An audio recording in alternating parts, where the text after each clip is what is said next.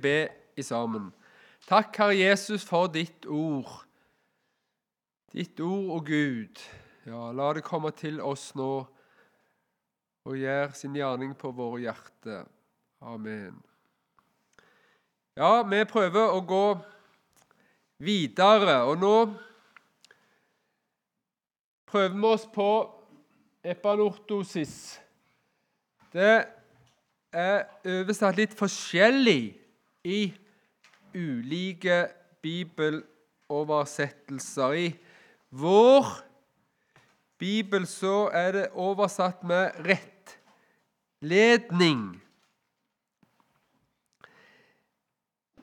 Derved så ligner det en del på det fjerde punktet, opptuktelse i rettferdighet.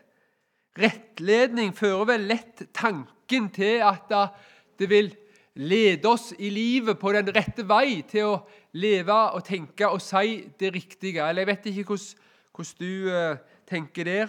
Men ordet betyr oppretting, opprettelse. Retting.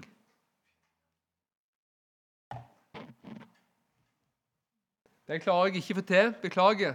Det er teknikk, men det er bra. Spør hvis det er noe sånn, hvis jeg snakker for høyt eller det er PC-en ikke i orden. men i og med at jeg har det, det programmet jeg bruker nå, så ikke, klarer jeg ikke å få det opp. Det er bare det er litt dårlig av meg å ikke ha tenkt på det med at jeg står i veien her nå.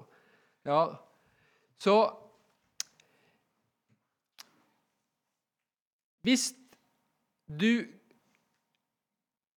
krasjer en bil, da må du gå til en biloppretter. Og ordet her er oppretting, opprettelse. Da sier ikke biloppretteren ja, jeg skal gi deg noen tips hvordan du nå må kjøre i fortsettelsen, eh, så kan bare, bare bilen se ut sånn som han ser ut. Nei, han retter opp bilen sånn at han blir sånn som han var før. Han retter han opp. Og der har du noe i dette ordet. Og Bo Gjerts han definerer ordet her og forklarer. Det oppretter slik at vårt ødelagte forhold til Gud blir gjenreist. Det ligger i dette.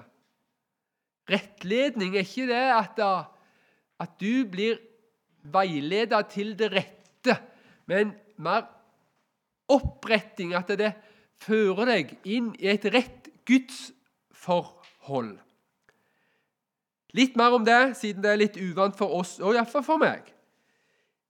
Jeg så Første gang jeg ble obs på dette, var når jeg leste i Lutherstiftelsens eh, bibelverk, Bibelen med forklaringer fra 1917. Eh, og han som eh, mye har, eh, har forklaring der, er jo Odland ganske mye. Men eh, jeg ble egentlig obs på det bibelverket fordi at eh, Carl Fredrik Wisløff i en tale anbefalte den åpenbaringskommentaren der av Brochmann. Men i, andre, i Timoteus-brevet er fortolka av en som heter Lære. Pastor Lære. Han kjenner ikke vi så veldig godt, men han var den første forstanderen på Kinamisjonens eh, misjonsskole den tiden. De begynte jo på Framnes. På Framnes begynte misjonsskolen i 1898.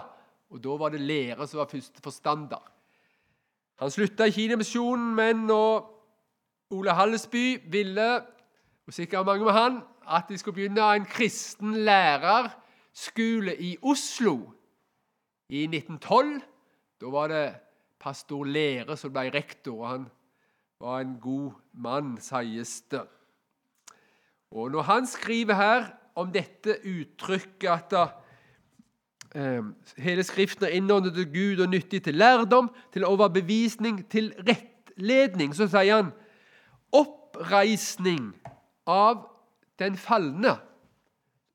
Så det jeg skrevet her, 'reise opp den falne', det er altså ikke jeg som har funnet på det, men det er så et sitat fra lære. At Bibelen den er nyttig den virker og utretter lærdom. Den virker og utretter overbevisning, så jeg ser at jeg er den skyldige. Den virker og utretter, reiser opp den falne. Reiser opp den falne. Og det er en salig ting, for Jesus sjøl møter deg i Bibelen. Og Det er ikke bare en engangsforeteelse, en gang der og da, når du kom til troen. Men det er sånn som vi hadde om, om brorson, var tydelig han. Han har ordet 'daglig'. Daglig erfare noe av dette.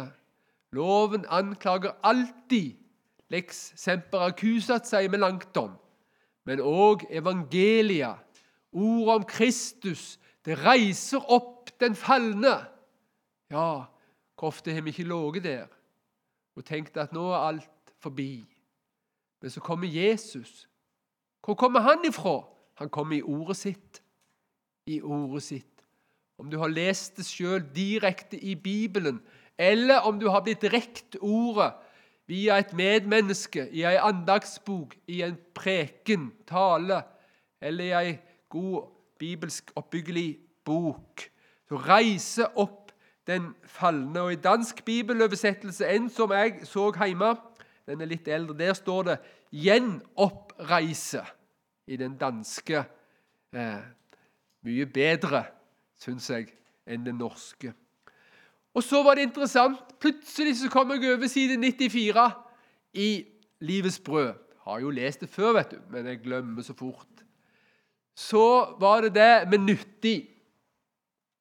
Og så sier Øyvind Andersen et etter grunnteksten betyr det ja, intet mindre enn som virker og utretter. Bibelen er et ord som utretter og virker. Og det er ikke småting det utvirker, eh, utretter og virker. Og så sier han, uten at det står skrifthenvisning Det er jo i 2. Timoteus 3, 16. Ordet lærer deg opp. Ser du at han er ordet som subjekt? Det er ikke du på en måte som lærer av Bibelen som en bruksanvisning, men ordet lærer deg opp, overbeviser, frelser deg og virker at du kommer til å leve et gudfryktig liv her i verden. Ser du hva Øyvind Andersen gjør? Når han parafraserer eh, 2. Timoteus 3, 16, så her på nummer 3 istedenfor istedenfor rettledning, så setter han rett og slett inn 'frelser deg'. Reiser opp den falne. Ja, tenk så stort at ordet lærer deg opp, overbeviser, frelser deg og virker at du kommer til å leve et gudfryktig liv her i verden. Og der har du det siste ordet paideia, opptuktelse, i rettferdighet. Ofte blir det bare eh, brukt tukt. Og Du som noterer, kan jo skrive eh, Hebreerne 12,5 følgende utover det til 12, er det vel. Der er ordet paideia, opptuktelse, oppdragelse, brukt veldig mange ganger. Og Der er det oversatt med tukt. For han vil tukte oss. Flott med et spørsmål. Hebreerne 12, fra vers 5. Men vi tar ikke det med oss nå. Men det var fint. Og så det siste for å avslutte dette i 14-17, så sier vi bitte litt om vers 17.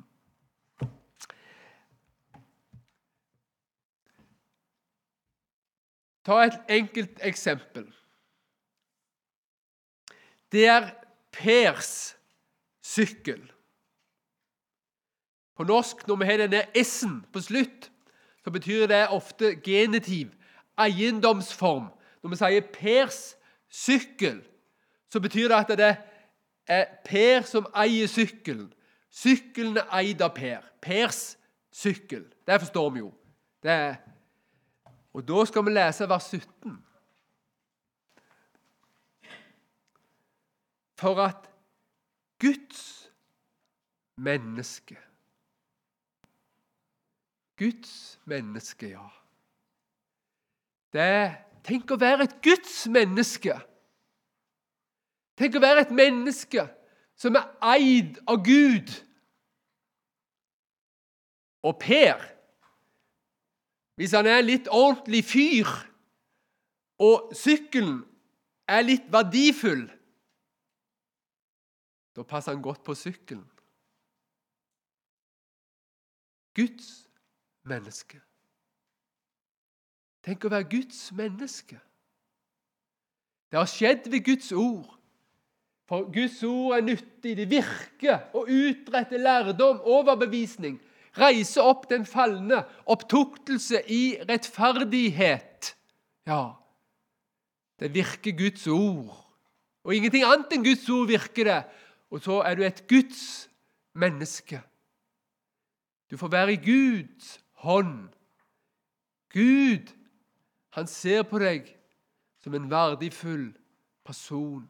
Ja, han vil ha samfunn med deg. Herren har fortrolig samfunn med dem som frykter ham, og hans pakt skal bli dem kunngjort. Ja, han vil leve livet sitt, livet ditt. Han vil at du skal leve livet ditt sammen med han. Ja, han vil være sammen med deg i evigheters evighet. Guds menneske, fullkomment i Kristus, og så satt i stand til all god gjerning ved Guds ord til å leve livet sammen med Jesus. Ja, tenk å være hans. Tenk å være hans. Ja, han er min. Og det som enda større er jeg er hans. Guds menneske. Ja, her er det ting å grunne på. Så skifter vi litt tema nå. Nå skal vi prøve å si ja, Vi skal ikke si mye om, akkurat om kobbersmeden, men da har vi kommet til vers 14 i kapittel 4. Vi switcher over der. Um,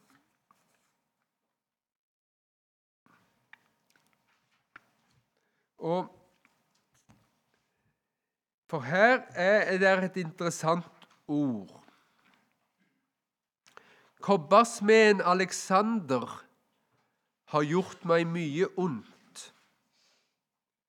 Herren skal gjengjelde ham etter hans gjerninger. Ta deg i vare for ham, du også, for han gikk sterkt imot våre ord. Vi vet veldig lite om kobbersmeden Alexander. Han har vært en mot standard. Han gikk sterkt imot Paulus sine ord.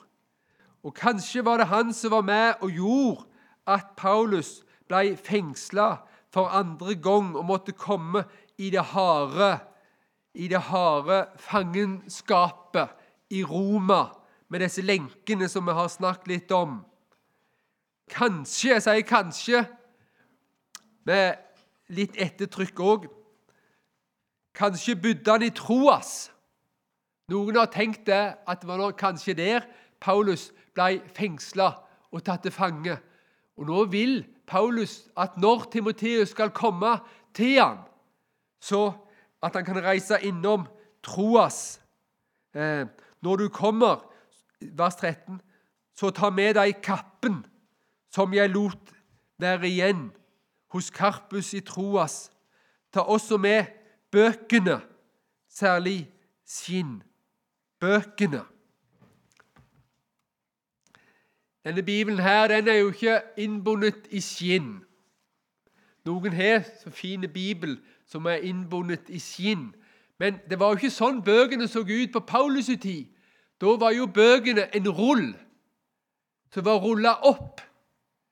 Eh, og det mest vanlige Papiret de brukte, var jo lagd av papyrus, en plante.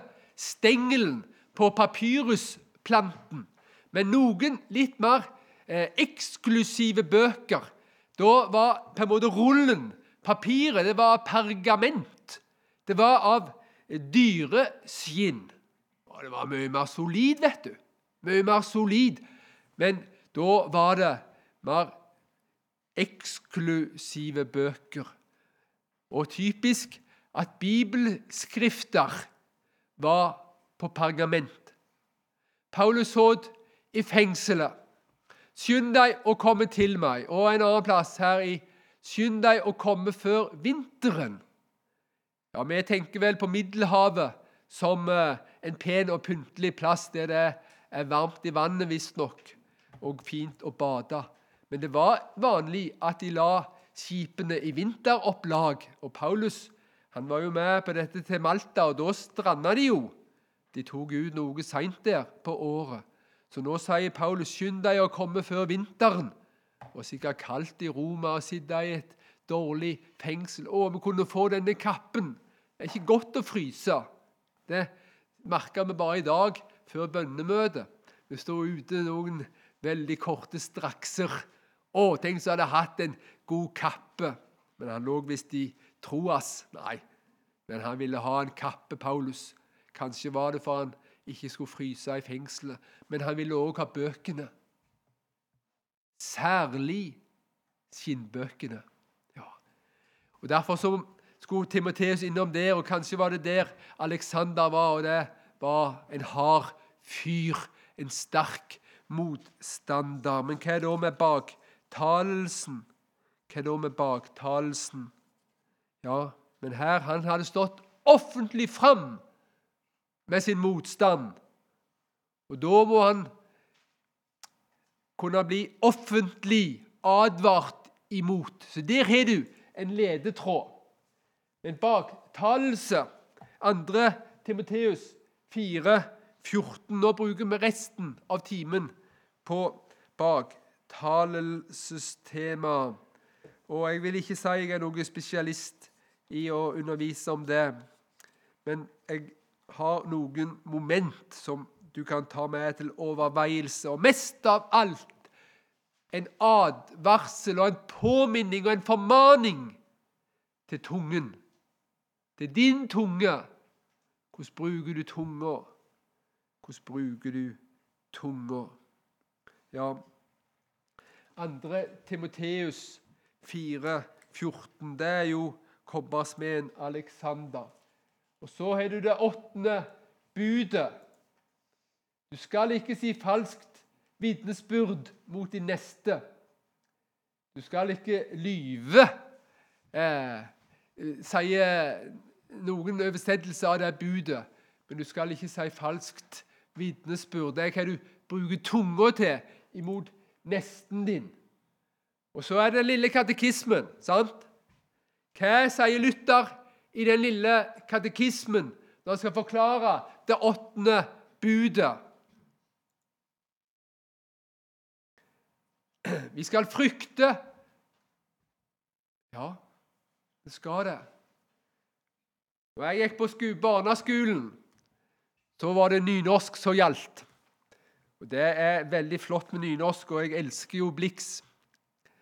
Men eh, det var ikke alltid vi forsto så lett. Eh, du skal ottast og elske ottast og elske Gud. Vi hadde litt problemer med å forstå ottast, men frykte Gud. Frykte for å gjøre Gud imot, og så elske Gud. Ja, så at vi Og her er noe til å tenke på, så vi ikke lyver på vår neste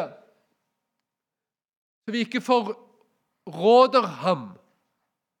Ikke forråder ham. Rødt betyr stopp. Stopp! Du må ikke lyge. Du må være sann imot nesten. Du må ikke forråde nesten. Du må stå ved nesten. Om det koster deg noe å forsvare nesten din, så må du ikke forråde han. Ja, det var det å være kort og konsis er ikke så lett for meg. Men her må vi bare gå videre. Og her kommer det, ja. Ikke baktale. Ikke baktale. Eller føre dårlig rykte over ham.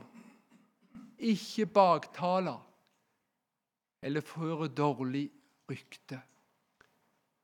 Du forteller meg noe om et annet menneske som gjør at han får et dårligere rykte. Hvis han, har stått offentlig fram og forkynt Hvis jeg forkynner noe som er imot Guds ord, så må du gjerne spre det og si Du må passe deg for han. For han fører oss. Han farer vil, og han fører vil.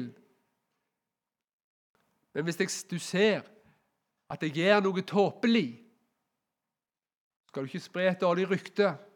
Det er synd imot Gud. Dette er ikke bare sånne Dette er ikke bare en sånn morsom eller en interessant påminning. Nei, du blir skyldig for Gud. Og så Nå er det sørgelig, for nå kommer talerstolen i veien for det grønne. Og det er jo det Der må du kjøre på. Ikke bare at du har en mulighet til å kjøre, sånn som det er grønt lys i trafikken. Ja, ja, Hvis du står fremmest i en lang kø, så må du kjøre. Og her står det 'men unnskylder ham'. Men unnskylder ham. Det er ikke noe du skal gjøre hvis du er i godt humør, eller hvis du har litt ekstra overskudd den dagen. Så skal du liksom unnskylde nesten hvis han gjør noe dumt. Taler vel om han. Ja,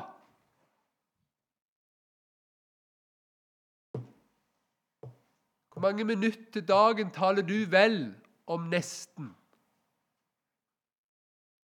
Det Guds bud. Det er jo Luther genial. Han setter ikke bare på det røde lyset, han setter også på det grønne lyset. Du skal ikke lyge, ikke forråde, ikke baktale, ikke føre dårlig rykte. Men den som setter seg bort i en krok og holder munn, hvordan er det med han? Har han gjort etter det åttende bud? Nei. For du skal også istedenfor unnskylde han. Du skal tale vel om han. Og så er det helt ned på gulvet her nå. Og tar alt i beste mening. Det er forklaringen til det åttende budet. Her er det blått symboliserer det himmelske. Dette er Guds ord. Dette er budskapet for Gud. Vi skal frykte og elske Gud. Og så kommer det røde, og så kommer det grønne.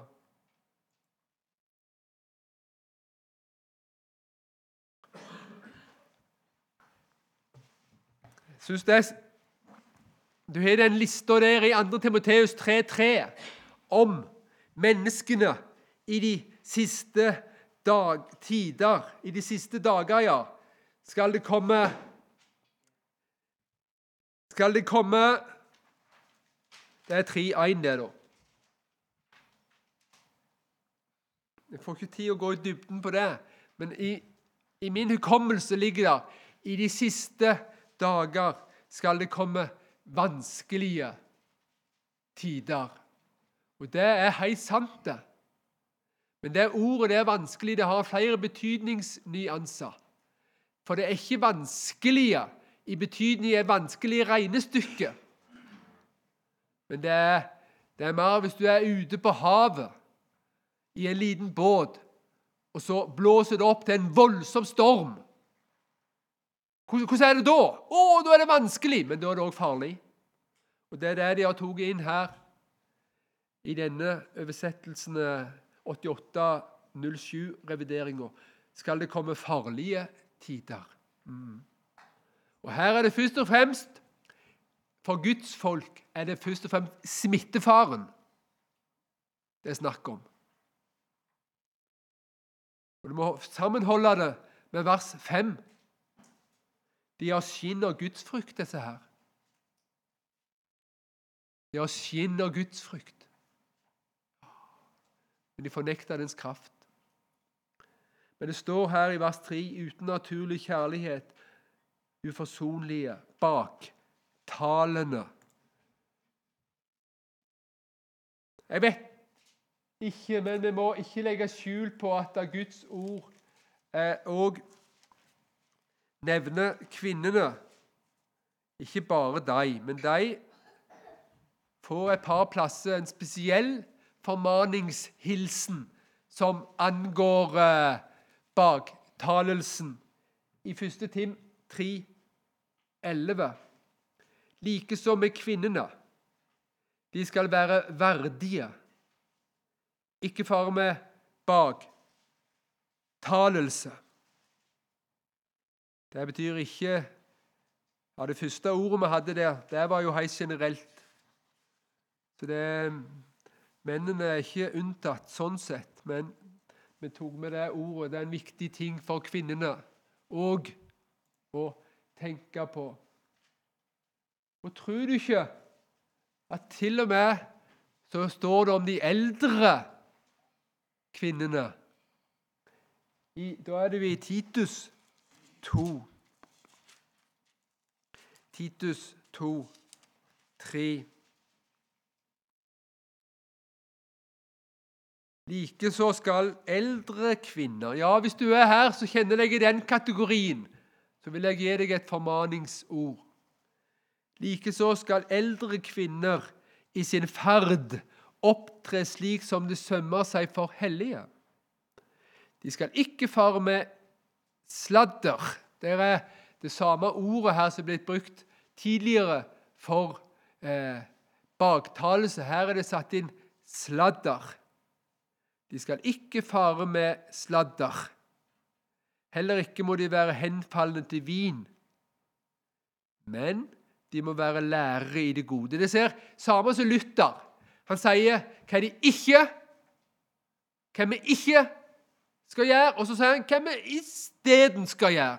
Vi skal ikke baktale. Istedenfor så skal vi, skal vi tale vel og ta alt i beste mening. Ja, og her skal ikke fare med sladder, men må være lærere i det gode. Et par plasser til. Og Her står det om brødrene. Og Du ser at baktalelsen er helt tydelig i Guds ord innad på Fossnes, på bibelskolen, i Guds forsamling. Her er det en direkte formaning inn iblant brødrene. Baktal ikke hverandre brødre. Og den siste plassen det er noen sånn tankestreker her for å signalisere at dette er ikke noe fullstendig eh, skriftsitat, mer som ei, ei huske, huskeliste. Så det er fint å slå opp i Bibelen og få det fullstendig. 1. Peter 2, 1. Talt til deg, legg derfor av all ondskap, all svik og hykleri, misunnelse og all baktalelse.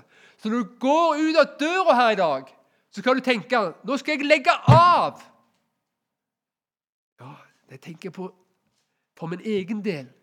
Mange ganger så går det ordet går inn det ene øret, ut det andre. Men nei! Jeg skal legge av.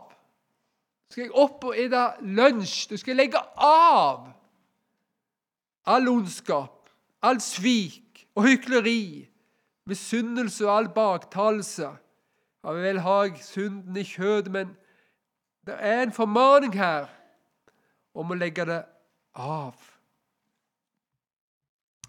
Og så er det noe interessant som kan virke litt, iallfall for meg, litt sjokkerende.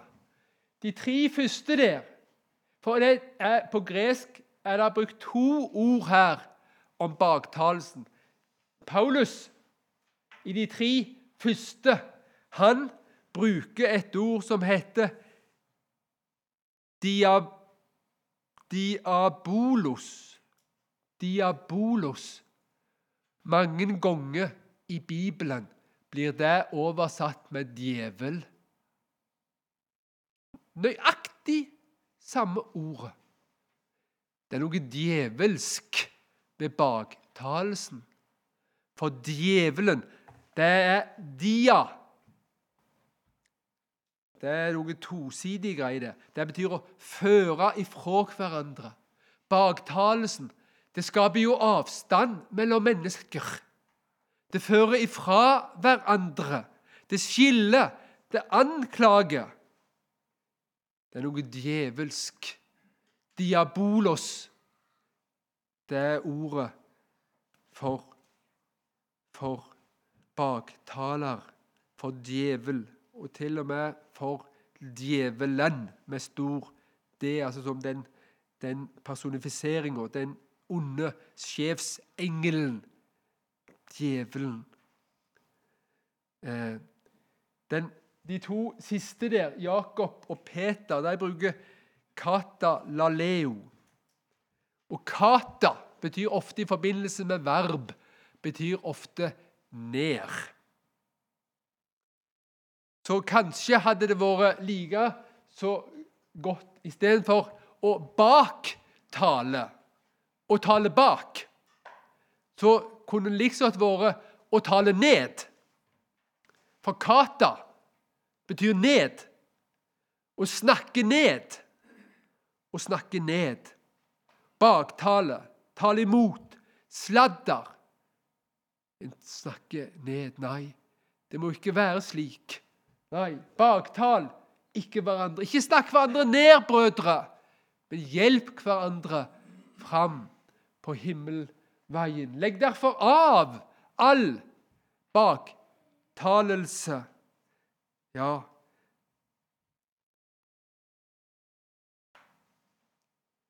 Så kunne vi stanse for Luthers store katekisme, og det vi har ti minutter igjen, og da er det den som blir hoved. Men det er en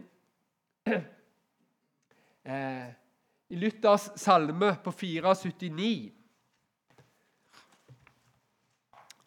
For Luther legger veldig vekt på I forbindelse med baktalen så legger han vekt på menneskenes gode navn og rykte. Og Det er jo det som skjer med baktalelsen. Du setter jo andre i et dårlig lys. Du snakker jo andre ned. Du stjeler æren og hederen ifra andre. Og Luther han setter og har et til han hadde jo et veldig dårlig rykte i mange sammenhenger i sin samtid. Men han sier å, det er en dyrebar ting. Det er jo ulevelig å gå rundt og ha et dårlig rykte. Det er så tungt, og det er merkelig hvordan Luther han er så og tar de enn vårt liv. Noen har trodd når de har tolka den salmen, at Luther begynner på topp, og så går han nedover. Og Det som betyr nesten ingenting, liksom. Det er kona. Men det er omvendt. Kan du se Luther inn i hjertet? Hva setter han lavest, og hva setter han høyest? Og tok de enn vårt liv? Ja, det setter han lavest. Og så er han takknemlig for livet. Men tenk at han har gods. Han har en stol han kan sette seg i. Han har ei seng han kan legge seg i. Han har mat han kan spise, så han blir mett. Han har ovn så han kan fyre i, og klær så han ikke skal fryse. Å, hvor godt det er at Gud har så stor omsorg for oss. Han setter det høyere enn å eie livet. Og så går han opp et trappetrinn til. Da kommer æren. Er veldig alvorlig. Du skal ikke slå i hæl det femte budet, men det er akkurat som Luther, for sin egen del i alle fall, setter det åttende budet høyere. Å stjele æra av noen. Ja. Så det med baktalelsen er liksom ikke bare en, en liten bagatell, liksom. Oi, der sa jeg visst noe stygt om noen. ja. Eller der var jeg med å, å sette en tommel ned på noen. Da sa jeg noe ufordelaktig nå. Neste gang Nei.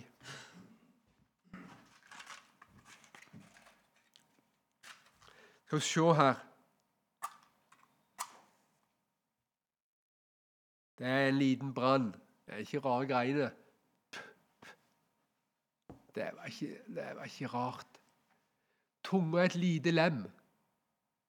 Men du kan sette en hel skog i brann. Så er verdens beste brannmenn. De trenger uker og måneder å slukke brannen. Og når brannen endelig er slukka, så kan det ta Jeg har kjørt forbi en plass, noen plasser det har vært skogbrann. Og Det tar over en generasjon før det er reparert. Tunga det er et lite lem. Men du, hvor stor skog den kan sette i brann. Og sjøl blir han satt i brann av helvete. Det er diabolos, baktalelsen. Ja, det er det. Og tok de enn vårt liv, gods, ære. Og Så er du helt oppe i øverste divisjon, vet du, der barn. Og så på førsteplass var Katarina. Sant? Mester Kate. Hun var på topp. Ja, sånn er det. Sånn er det. Så Derfor så er det veldig det der. Og Nå blir det bare en introduksjon til å fordype seg i i uh, Luther på side 332. Og Luther sier det Du skal ikke si falsk vitnesbyrd. Det handler jo om rettssalen. Hvis du blir et vitne i retten, eller du er en dommer, så må du tale sant. Det må du gjøre.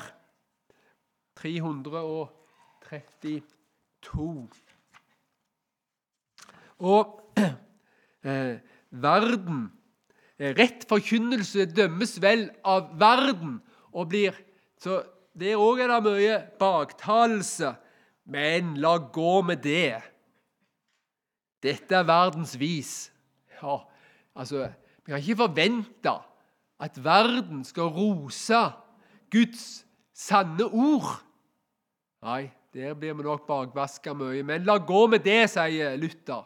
Han bruker, han bruker et lite avsnitt på det. Og så er det for det tredje. Da, da, da er han raus med orda. Da er det flere sider med det. For det tredje Og dette angår oss alle sammen. Her blir alle tungens synder forbudt.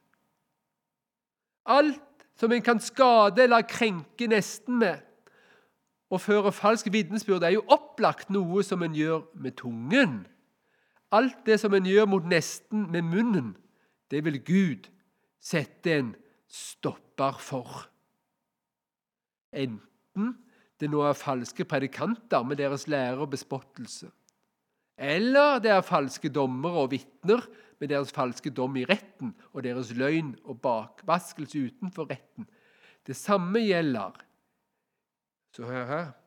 Nå har jeg snakket om det alvorlige det er i rettssalen. Men det samme gjelder ganske særlig den foraktelige, skammelige last som heter baktalelse. Det er det djevelen som driver oss til. Det kunne være mye å si om dette. Det er en vidt utbredt, fordervelig synd at vi heller vil høre noe ondt om vår neste enn noe godt. Vi tåler ikke at noen baktaler oss, men derimot vil vi at hele verden skal tale vakkert og godt om oss. Så onde er vi. Vi tåler ikke at det beste blir sagt om andre. Vi må ikke falle i denne synd. Én ting må vi derfor merke oss. Selv om en ser nesten gjør en synd, så har en ingen rett til å påtale dette offentlig, med mindre en har særlig myndighet til det. Hvis ikke du er politi, skal du ikke gå og spre andres dårlige ting og synder. For det er stor forskjell på å ha kjennskap til synden og dømme synden offentlig. Vite om synden kan du nok, men dømme den skal du ikke. Jeg kan kanskje se at min neste gjør en synd, men å bringe ham på folkemunne har jeg ingen rett til. Dersom jeg nå går i gang og dømmer og fordømmer, så faller jeg i en synd som er mye verre enn nestens. Men har du fått vite om synder som den neste har gjort, så har du ikke annet å gjøre enn å la ørene dine være en grav og legge syndene der inntil du får ordre om å dømme og irettesette på embets vegne. Ja, her var det mye som jeg hadde lyst til å lese, og jeg trenger det veldig sjøl. En god påminning om alvorligheten i baktalelsen. Men vi trenger friminutt til å tenke. Men du, nå har du fått en alvorlig Iallfall forsøkt å lagt det inn over oss alvorlig. Baktalelsen. Diabolos. Katalaleo. Ja, baktaler. Snakke ned. Nei, la oss hjelpe nesten. Ja, du, Herre, ta deg av oss i vårt hjerte og i vårt, vår daglige ferd. Rens oss i ditt blod. Reis opp den falne. Du ser, vi kan kjenne oss dømt. I sannhet kan vi det. Du må reise oss opp, og så må du opptukte oss til et liv i hellighet og Guds frykt. Det ber vi om for Jesu Kristi skyld. Amen. Da er det